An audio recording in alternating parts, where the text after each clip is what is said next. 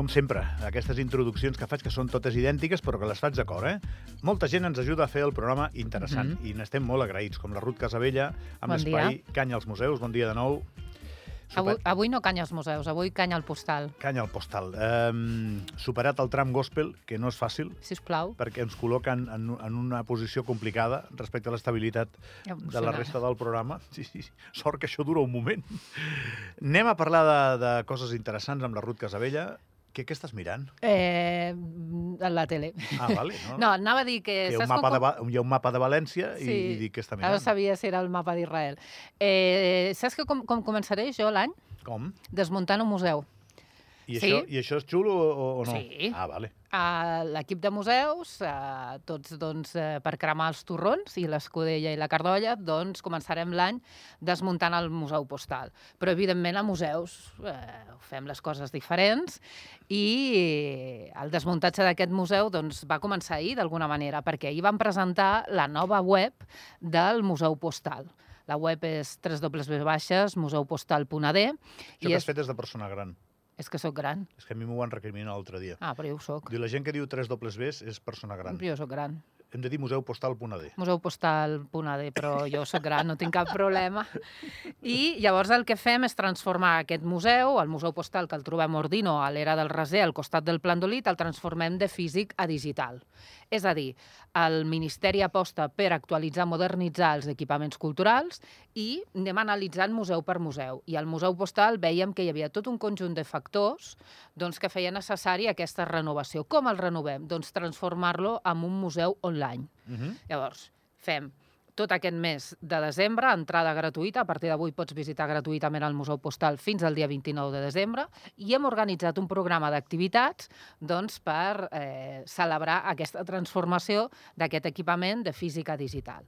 Com et deia, doncs, ahir vam presentar la nova web, on tu podràs trobar tota la col·lecció de segells digitalitzada, que per digitalitzar segells jo pensava que seria pim-pam, i no.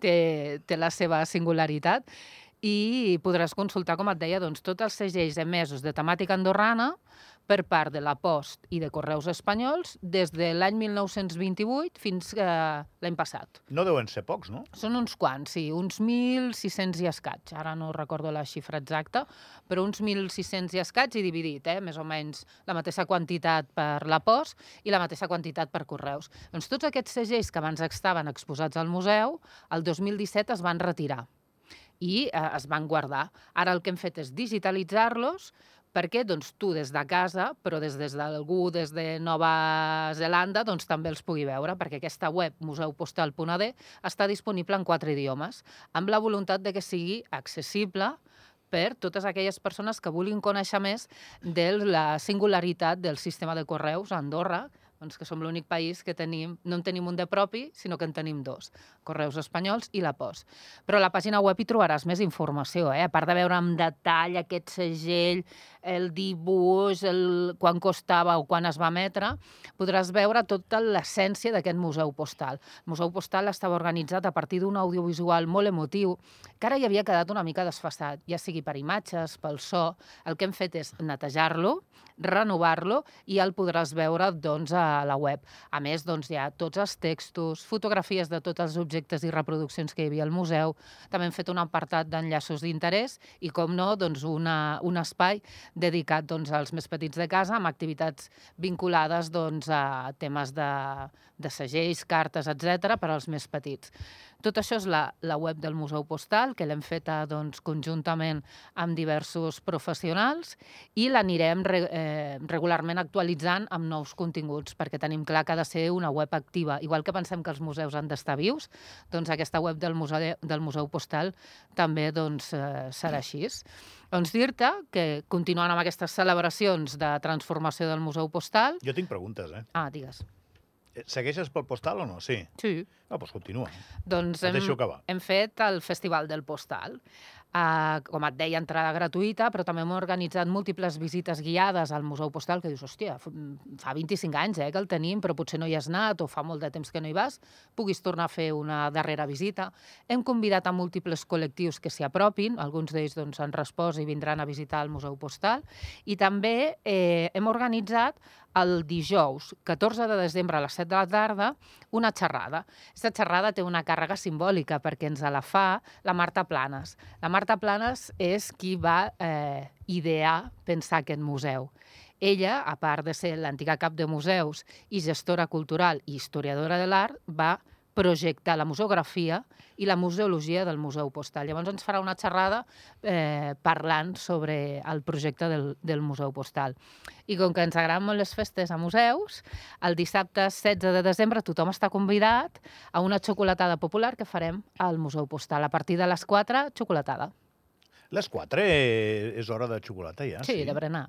Vale, vale, perfecte. Sí, sí. Bueno, fins a les 6. Sí. ja puc preguntar o no? Sí. Eh, continua ben al món, i perdona la ignorància, eh, Ruth, la quantitat de, de gent enganxada als segells que hi havia abans, que n'hi havia no. molts. Ara no, ha baixat molt I i, el, això? i el tipus de públic que està interessat per la món de la filatèlia té un perfil molt determinat. Justament això també ha estat un dels motius que ha conduït el Ministeri de Cultura a reflexionar sobre aquest equipament i dir que una bona solució és la transformació digital, que a més s'emmarca doncs, amb el Pla Estratègic de Cultura de Museus, en el Pla Estratègic del, del Ministeri de Cultura i també amb la nova definició de museus que et diu que els museus han de ser inclusius i accessibles. Per ser accessibles, que millor que tenir una web on tothom fàcilment amb un clic hi pot accedir a aquesta col·lecció. Em dius que ha davallat una miqueta aquest interès, els, els mirem una No, miqueta una com... mica- Una mica bastant, no? Com uns autèntics friquis d'això, que No, no, s'estaven friquis. dinerals en, Sí, sí, en sí. adquirir els segells, em dius que ha baixat, Sense però ofendre, són friquis, igual que jo pot ser friqui de Star Wars i són friquis d'aquest món filatèlic, que si ets un neòfit és, és veritat que costa d'entendre. El que sí que però, comparteixo però el que t'anava a dir, aquesta gent es reagruparà, tu entens, o s'està reagrupant en consum digital? Creus que podran... Jo crec que la, la, la part positiva de tenir una web és que arribarem a més públic que no només l'expert filatèlic. És a dir, que fàcilment persones de diversos perfils i s'hi podran apropar a aquesta web i que potser no van al museu. Però, en canvi, a través de la web sí que se'ls pot despertar la curiositat. Perquè, com et deia, sí que comparteixo l'opinió d'alguns filatèlics quan ens traslladen, que ens diuen que els segells són petits fragments de la nostra història, però també són petits bocins d'art. No hem d'oblidar que la majoria dels segells estan signats per artistes del país, fotògrafs del país, gravadors del país. És a dir, tenen aquest doble significat històric, perquè molt sovint ens parlen de la nostra història, però també tenen un component artístic. L'altre dia la meva dona va trobar unes quantes pessetes a casa de la mare Mm. i, i algunes eren bastant antigues, saps? I, bueno, doncs, sortia Franco i Això fa por. fa por, bueno, doncs al final van ser 40 anys de la història d'Espanya, Sí. i alguna de més antiga, eh? que sortien reis i això, i això fa gràcia, fa Mm. por, fa por potser, però fa gràcia, eh? Mhm. és, és històric. Ara jo et, et demanaré fer aquest exercici amb tot això que m'has... Tu em llences l'am i, i jo pico. Uh, escull-me, no sé, uns quants segells de la història d'Andorra, tu que els deus tenir vistos i... Els he remenat una mica, però és veritat que, mm, Quin gust tens tu per això? Que, que, clar, són els ni que... un.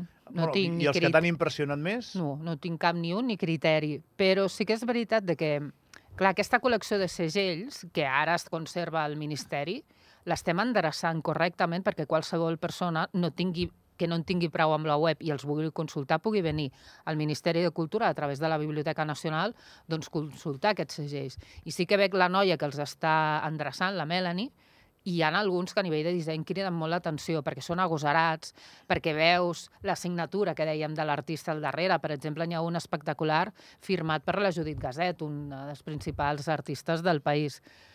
Però Bueno, aquest t'ha cridat l'atenció. Sí, Tu, però em veig que em crida tindran- l'atenció a través de lo que és l'art. També em Ja. va agradar molt el que va fer l'Arnau Orovich sobre... L'any passat em va fer un per commemorar els aiguats.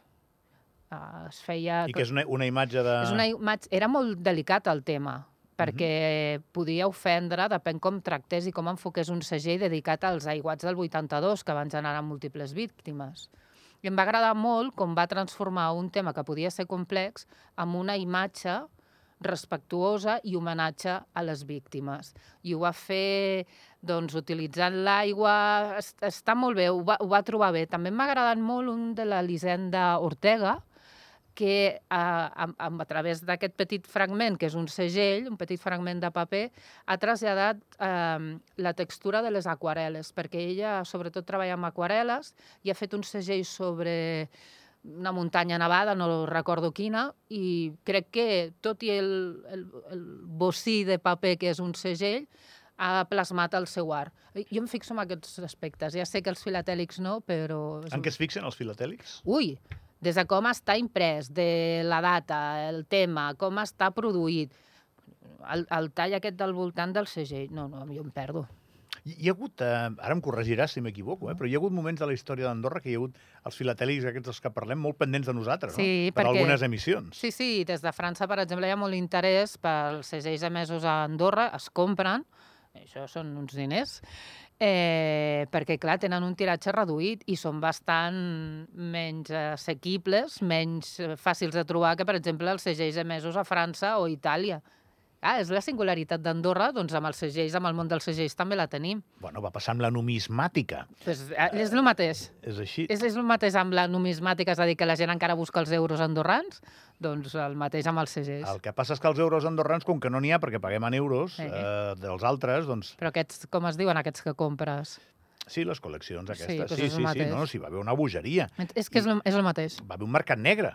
Ah, això, i que hi hagi Sí, sí, mercat sí, negre amb segells, d'això de, les, d'això de les monedes va arribar a situacions una miqueta fins i tot violentes, de, de, de que es venien molt més cares del que, del Mhm. que tocaria, a, a pesar de ser una peça més o menys cobejada que havia sortit de lo no. normal. Potser no tan exagerat, però amb el món dels segells, a mi el que em diuen els filatèlics és que passa el, el mateix. Dir-te que per fer aquesta web hem comptat eh, amb la col·laboració de tres o quatre filatèlics que hi tenim relació, perquè volem que ells doncs, participin d'aquesta web, igual que hem treballat conjuntament amb la direcció de la Post a Andorra, la, amb la Jackie Vives, i també amb l'Abel, que és el director de Correus Espanyols aquí a Andorra, a l'oficina de Correus Espanyols. O sigui, els hi hem demanat, preguntat què els hi sembla, com ho veuen, perquè, insisteixo, l'objectiu d'aquesta nova web és que tothom tingui accés al, a la col·lecció de segells. I ara ve the main question, per Ruth Casabella.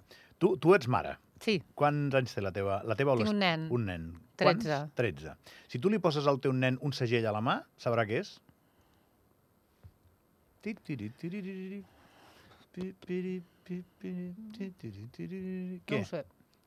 Potser sí, perquè, clar, a veure, el pobre en pateix, i igual que està Clar, la- obligat a anar a museus, també sent... La mare és divulgadora cultural. Sí, ho pateix, ho pateix. Bueno, igual el teu fill no és un bon exemple. Jo, jo estic pensant en Sí, els meus nebots. Clar, El meu, el meu fill amb aquests temes n- no, no és un bon exemple, no. Perquè té curiositat, no és que o no de l'ADN o d'aguantar la mare. He d'aguantar la mare. Però Quan tu- viatgem, ell em diu tres museus i prou, Però mama, tu, tres. tu i jo ara entrem, pobre, tu i jo ara entrem i de comando eh, en una classe de l'escola andorrana d'on sigui i entrem amb un segell i li comencem a ensenyar a eh, xavals No. de 13 anys, No, jo crec que majoritàriament es desconeix.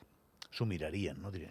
Pot despertar la curiositat, Què és però... això? I n'hi ha alguns, com et deia, que tenen dissenys impactants, però no.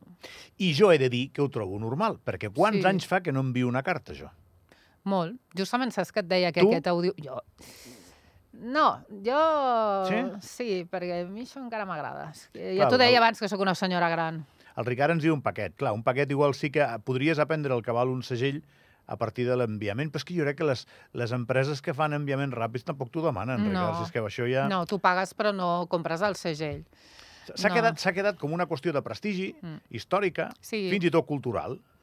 Bueno, I, I en alguns casos sí que es pot utilitzar, De prestigi, sí, sí, crec que és la paraula, eh? però crec que és de prestigi. És, és Sí. un, una àrea ja localitzada en aquest... Sí. I abans era totalment necessari. Si anaves no. de viatge, enviaves una postal i necessitaves un segell per, per força. O com enviaves nosa com enviàvem nosaltres, eh, obro parèntesi, abuelo cebolleta, eh, cartes als nostres amics de fora. Clar, Quan érem carta, joves enviàvem cartes. sobre I què havies de posar? Un segell, sí. tanco parèntesi d'abuelo cebolleta. Això és sí. així. Però és normal que ells no ho coneguin. També els, els teus pares segur que t'explicaven coses que feien de petits que tu no feies. Totalment normal que no, que Doncs no ja està. el que és. Però sí que seria divertit. Seria un bon reportatge de televisió aparèixer amb un segell i A veure, a veure com et responen. Sabeu què és, això? No. Bueno, Ruth, alguna cosa més? Que vinguis a la xocolatada. I ens la fa pastisseria Estupinyà, ja veuràs tu quina xocolata i quina coca més bona. Fes-ne bastanta, eh? Sí, espero que vingui gent, perquè és la manera doncs, de celebrar que doncs, transformem un equipament que a partir del 29 de desembre doncs, es transformarà i dir-te que aquest espai que ara actualment acull el Museu Postal, doncs hi farem obres i passarà a ser la, un espai dedicat a exposicions eh, de caràcter patrimonial. És a dir, que eh, no perd el seu caràcter cultural. El local és vostre. És del Ministeri. Vale. Llavors el que farem és això, que, que tingui... Però m'has donat una resposta molt genèrica. De què?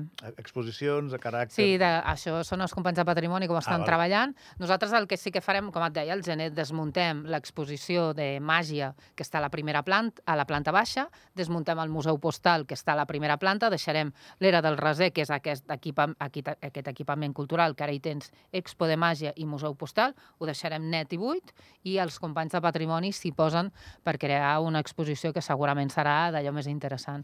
Ruth, moltes gràcies. De res. Que vagi molt bé, eh? Merci per venir.